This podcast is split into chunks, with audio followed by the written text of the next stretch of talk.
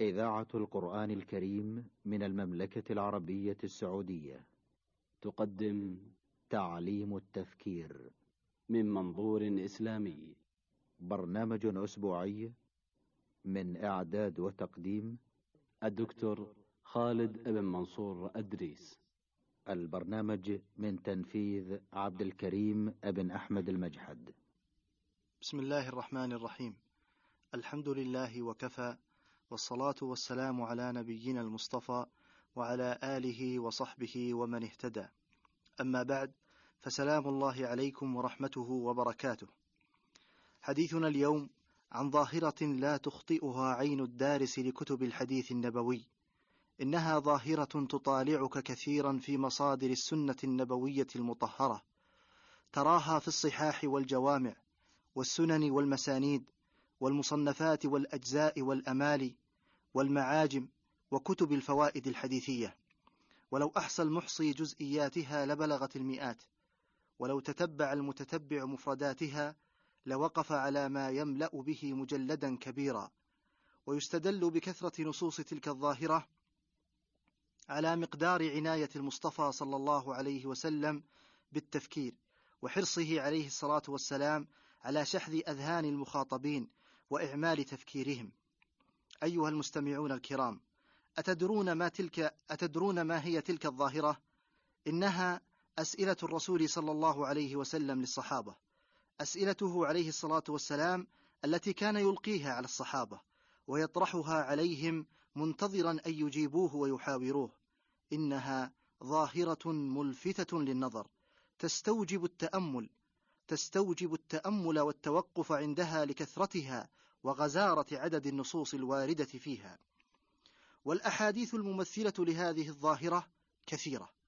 منها على سبيل المثال حديث أبي هريرة رضي الله عنه في الصحيحين أنه سمع رسول الله صلى الله عليه وسلم يقول أرأيتم لو أن نهرا بباب أحدكم يغتسل منه كل يوم خمس مرات هل يبقى من درنه شيء؟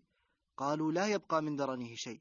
فقال عليه الصلاة والسلام فذلك مثل الصلوات الخمس يمحو الله بهن الخطايا.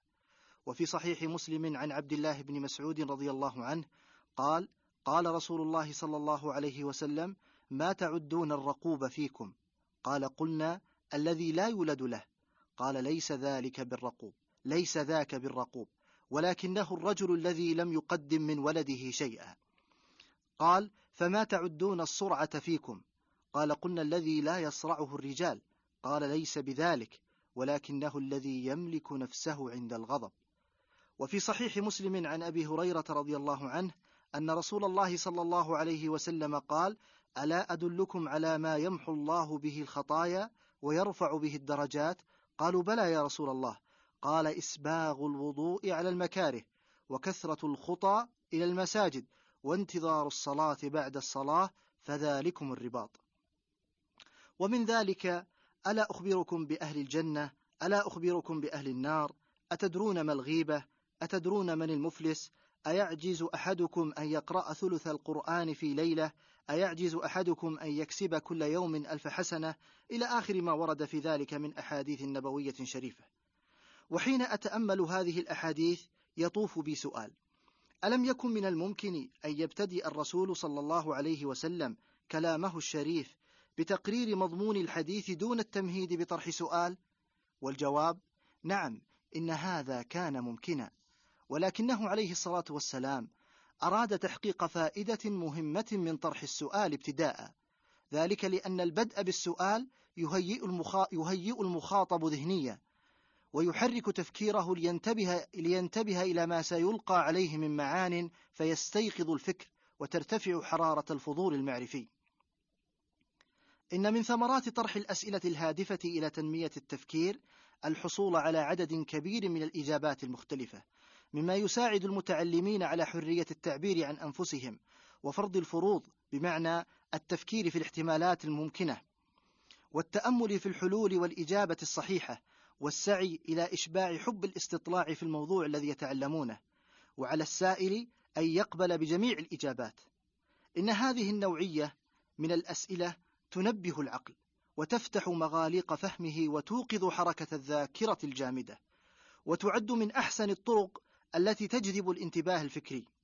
ومن فوائد هذه الأسئلة أنها تحصر فكر المتلقي في السؤال المطروح فلا تنشغل حواسه بشيء آخر وتعطيه انطباعا وتعطيه انطباعا بأهمية المعلومة المتعلقة بالسؤال. فتوجيه الأسئلة بطريقة فعالة يساعد المتعلمين على التفكير بذكاء حول المسائل المعروضة للتعلم أو للنظر كما أن هذه المهارة تضفي على المتعلمين حماسا وتشحنهم بطاقة إيجابية مفعمة بالحيوية والنشاط وتثير الرغبة في تقليب الأفكار الجديرة بالمعرفة والتفكير فيها. ويؤكد التربويون في عصرنا على أن الأسئلة المثمرة هي التي تستفز العقل فتجعله يعمل وينشط وتحرك الذهن فتحثه على الاستمرار على الاستمرار في التفكر وتساعد على بقاء المعلومات لمدة طويلة. ولزيادة البيان حول ما سبق سنقف مع حديث مهم في هذا الشأن يبين لنا بجلاء عناية المصطفى صلى الله عليه وسلم بتنشيط التفكير لدى صحابته رضي الله عنهم.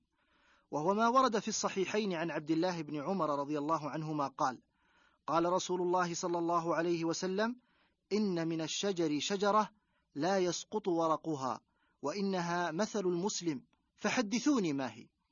فوقع الناس في شجر البوادي.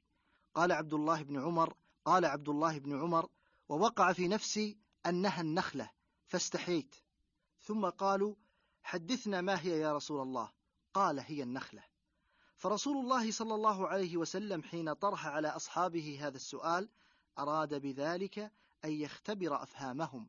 ويمتحن أذهانهم ويرغبهم في الفكر والعناية به. ولذا بوب البخاري على الحديث بقوله باب طرح الإمام المسألة على أصحابه ليختبر ما عندهم من العلم. واستنبط العلماء منه أنه يستحب للعالم أو للمعلم أن يسأل أصحابه وطلابه ويضرب لهم الأمثال والأشباه طلبا لزيادة الإفهام ورغبة في حسن تصوير المعاني كي تترسخ في الذهن. ومما ينصح به المدرسون والمدربون والخطباء ما قاله أحد المعاصرين لا تعطي أفكارك للناس مباشرة بل إن الأفضل لك ولهم أن تقدمها على هيئة لغز في صيغة سؤال واتركهم يحاولون حله وأعطهم الوقت الكافي ليفكروا في الإجابة. ثم اعلموا أيها الإخوة أننا حين نفكر في تشبيه الرسول صلى الله عليه وسلم للمسلم بالنخلة نجد بالموازنة عناصر اشتراك بينهما. فالنخلة كثيرة الخير دائمة الظل طيبة الثمر دائمة الوجود فإنه من حين يطلع ثمرها لا يزال يؤكل منه حتى ييبس وبعد أن ييبس يتخذ منه منافع كثيرة من خشبها وورقها وأغصانها حيث تستعمل جذوعا وحطبا وعصيا وحصرا وحبالا وأواني وغير ذلك مما ينتفع به من أجزائها وكذلك نوى التمر ينتفع به في عدة أغراض منها أن يتخذ, أن يتخذ علفا للإبل. ثم إن النخلة تتسم بجمال نباتها وحسن ثمرتها وهي كلها منافع وخير وجمال. وكذلك المؤمن.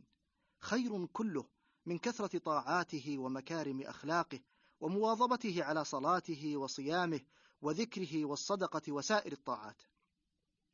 هكذا أحبتي في الله نجد أن الغاية من طرح السؤال كانت تحريك الأذهان واستثارة التفكير وهذا ما وقع بالفعل ودليل ذلك أن ابن عمر رضي الله عنهما قال فوقع الناس في شجر البوادي أي ذهبت أفكارهم إلى شجر البوادي وذهلوا عن النخلة فجعل كل منهم يجيب عن السؤال بما بدا له.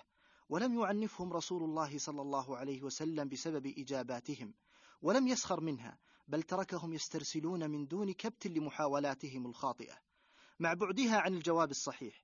وفي مثل ذلك يقول الإمام النووي رحمه الله في مقدمته النفيسة لكتابه المجموع في شرح المهذب وينبغي للمعلم أن يطرح على أصحابه ما يراه من مستفاد المسائل ويختبر بذلك أفهامهم ويظهر فضل الفاضل ويثني عليه بذلك ترغيبا له وللباقين في الاشتغال والفكر في العلم. وليتدربوا بذلك ويعتادوه ولا يعنف من غلط منهم في ذلك إلا أن يرى في تعنيفه مصلحة له. انتهى كلامه رحمه الله. ومن الوقفات المهمة مع الحديث الآنف ما ورد في بعض روايات الحديث في الصحيحين أن عبد الله بن عمر رضي الله عنهما قال فأردت أن أقول هي النخلة فإذا أنا أصغر القوم. وفي رواية فإذا أنا عاشر عشرة أنا أحدثهم.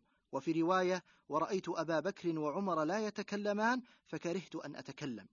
فقال عمر رضي الله عنه له لأن تكون قلتها أحب إلي من أن يكون لي كذا وكذا. ويستفاد من هذا أن الرجل يباح له الحرص على ظهور ابنه في العلم على الشيوخ وسروره بذلك. وقيل إنما تمنى ذلك رجاء أن يسر النبي صلى الله عليه وسلم بإصابته فيدعو له. وفيه أن الابن الموفق العالم أفضل مكاسب الدنيا. لقول عمر رضي الله عنه لأن تكون قلتها أحب إلي من أن يكون لي كذا وكذا. فتأسف عمر على كون ابنه لم يقل ذلك لتظهر فضيلته. وما قاله عمر رضي الله عنه يتفق مع أسس التربية النفسية السليمة للناشئة التي تؤكد على أهمية تدربهم على التحرر من الخوف والخجل وحضهم على الجرأة والشجاعة في القول ومقاومة ظاهرة الخجل والشعور بالنقص. فيا أيها الآباء اقتدوا بعمر رضي الله عنه واجعلوا شعاركم قل يا بني ولا تحقر نفسك. كما قال عمر رضي الله عنه كما قال عمر رضي الله عنه ما منعك أن تقولها؟